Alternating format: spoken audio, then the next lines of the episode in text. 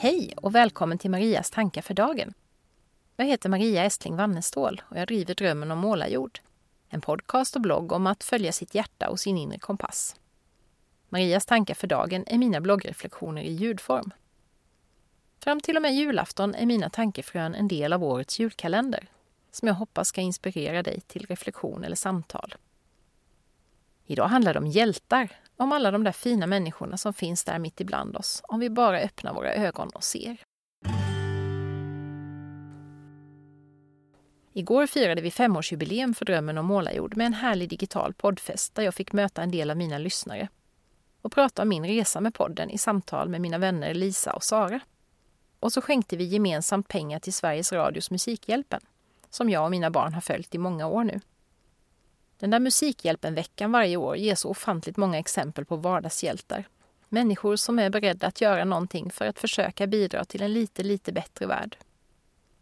Jag hittade ett inlägg från min förra blogg, Livstid, för ett antal år sedan, skriven just i adventstid, just under den där Musikhjälpen-veckan.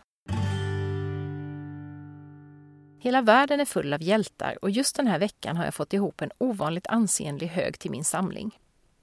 Vad sägs om kvinnan som såg hur en gammal dam inte hade pengar att betala all mat hon samlat ihop på kassabandet? Hur damen skämdes över att plocka bort vara efter vara och över att höra suckarna från stressade medhandlare längre bak i kön. Kvinnan som bevittnade det hela betalade för de extra varorna och gick ikapp den gamla damen med kassen. Jag blir alldeles varm och rörd när jag hör så fina exempel på medmänsklighet i vardagen. Här kommer några andra hjältar ur samlingen Mannen som såg en gammal dam stå och vänta utanför sitt hus. Som tog sig tid att fråga hur det var och fick veta att dottern skulle hämta henne men inte hade dykt upp. Mannen hittade dotterns nummer på nummerupplysningen, ringde och fick veta att hon satt fast i en bilkö, men var på väg. Varpå den gamla damen inte behövde oroa sig mer. ICA Maxi som har tagit ställning för djuren och inte säljer några fyrverkerier i år min man som i helgen roddade runt våra tre barn, tre katter, våra vänners hund samt ansenliga mängder ved och snö. Medan jag fick en fantastisk helg i Stockholm med min syster, massage, yoga, god mat och Jesus Christ Superstar på Göta Lejon.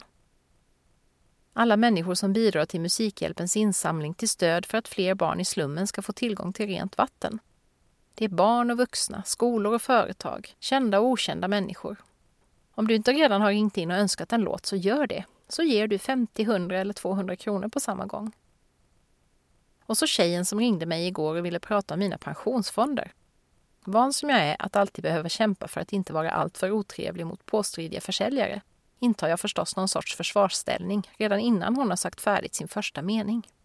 Jag berättar vänligt men bestämt att jag alltid har haft etiska fonder och vill fortsätta med det eftersom jag tycker det känns viktigare än att jag får några kronor mer i månaden som pensionär. Döm om min förvåning när telefontjejen inte gör det minsta för att försöka övertala mig. Istället säger hon, du verkar vara en riktigt mysig person. En sån där som tycker att alla ska ha samma extrapris på ICA och så. Då ska jag inte bråka med dig om det. Ida, tack för att du respekterade mina livsval. Du toppar min lista över veckans vardagshjältar. Ja, det där var som sagt ett inlägg med några år på nacken, före coronan, på den tiden man kunde gå på Göta Lejon och titta på musikal. Och idag är nog det enklaste sättet att bidra till Musikhjälpen att swisha sin lilla slant. Men utöver det tycker jag inte att inlägget har något bäst före-datum. Jag blev i alla fall precis lika varm i hjärtat när jag läste som jag var när jag skrev för nästan på pricken sju år sedan. Och här är dagens fråga. Har du mött några vardagshjältar på sistone? Någon handling som gjort dig lite extra varm i hjärtat? Kanske har du själv gjort en sån handling? Och vet du vad? Det går fortfarande fint att bidra till Drömmen om målarjordsbössan för Musikhjälpen, även om poddfesten är över. Gå in på Google och sök på Musikhjälpen och digital poddfest så hittar du den. Eller titta in på drömmenommalarjord.se. Tack för att du har lyssnat och välkommen tillbaka till en ny kalenderlucka imorgon. Hej då!